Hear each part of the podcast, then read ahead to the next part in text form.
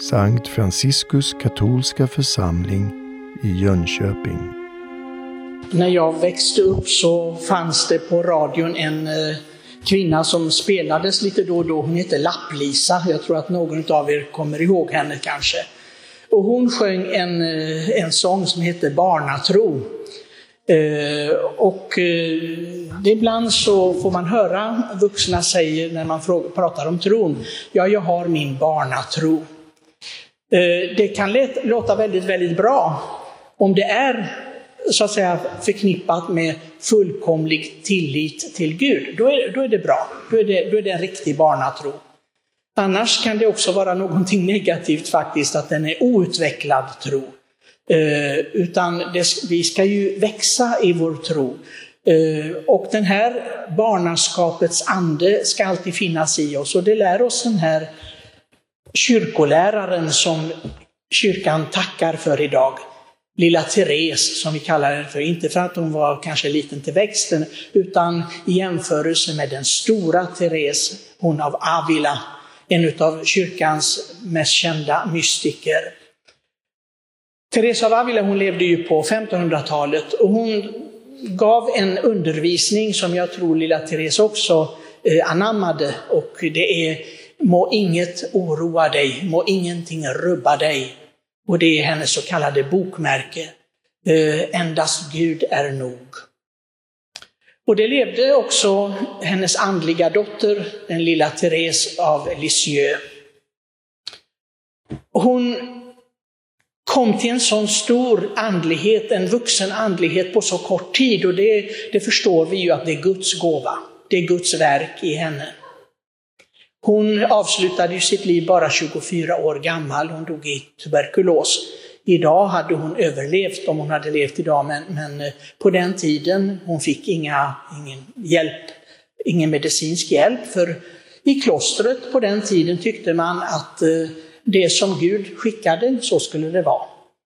Så att man gjorde ingenting åt det helt enkelt.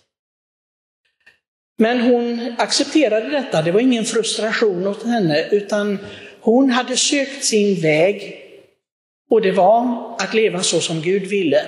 I allt, att acceptera allt. Och det var hennes barnaskapets, den lilla vägen. Att acceptera det helt och fullt, med frid och ro. Och det var ju någonting också som eh, på något sätt uppmärksammades i klostret. Att hon gjorde det med så fridsamhet, accepterade sitt liv och det som hon fick gå igenom. Den lilla vägen, som det kallas. Och hon sa på dödsbädden att ja, det är det här barnaskapets, den fullkomliga tillitens väg. Att ha fullt förtroende för Gud. Har du inte det, ja, vad är det för slags tro man har då? Och jag tror att det är väldigt många av oss som har problem just med detta.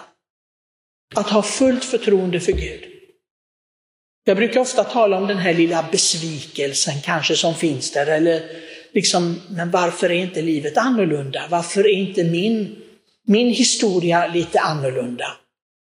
Varför måste jag gå igenom det här? Varför måste jag vara den jag är? Varför måste jag ha de människorna omkring mig som jag har? Eller vad det nu kan vara. Alltid det där lilla, lilla tvivlet. Det som dämpar den där fullkomliga överlåtelsen.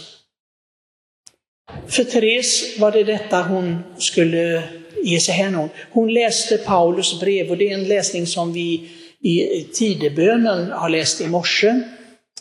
Och där säger hon att hon sökte efter sin specifika kallelse i kyrkan.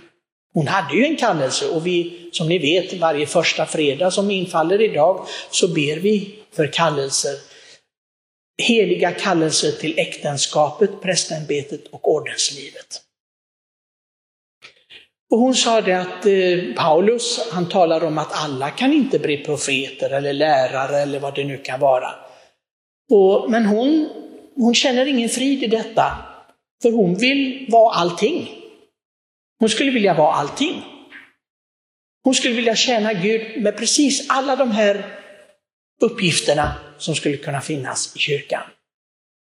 Men så kommer hon till det när Paulus ger slutklämmen här, Eh, vi kan tjäna Gud på många sätt, men störst av allt är kärleken.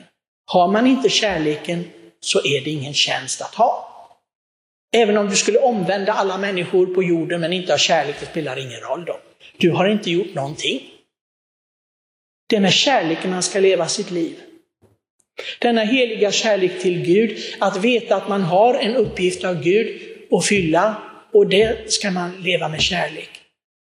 Och mitt sätt att förhålla mig med andra, om jag inte har kärleken då, Även om jag är duktig att lära människor, hjälpa människor, stödja människor, men inte gör det med kärlek.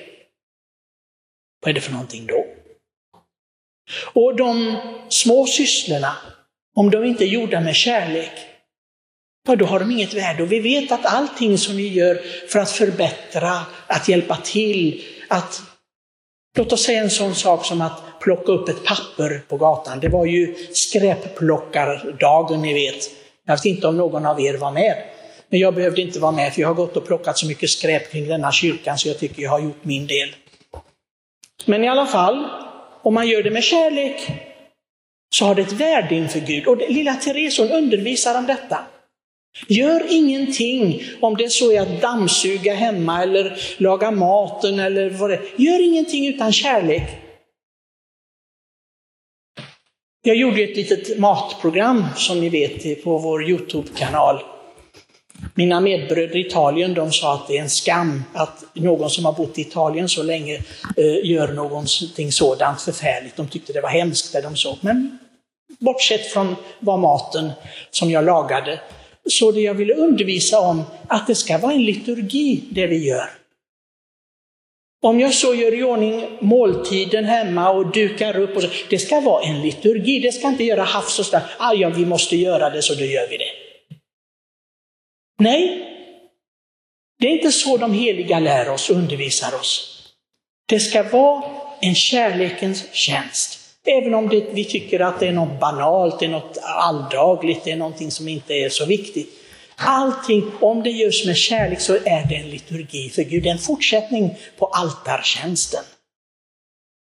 Och vi vet att det verkliga altaret, det är här inne, det är hjärtat. Det är det verkliga altaret, där vi kan ge vår lovsång och vår tjänst till Gud.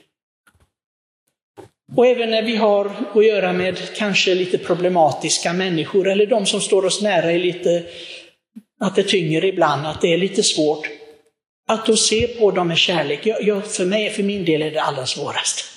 Det är det absolut det svåraste. Det är att se på varje människa med den kärlek som vi är kallade att se på varandra med. Det, det är absolut det svåraste. Tycker jag åtminstone. Var och en har olika kors att bära.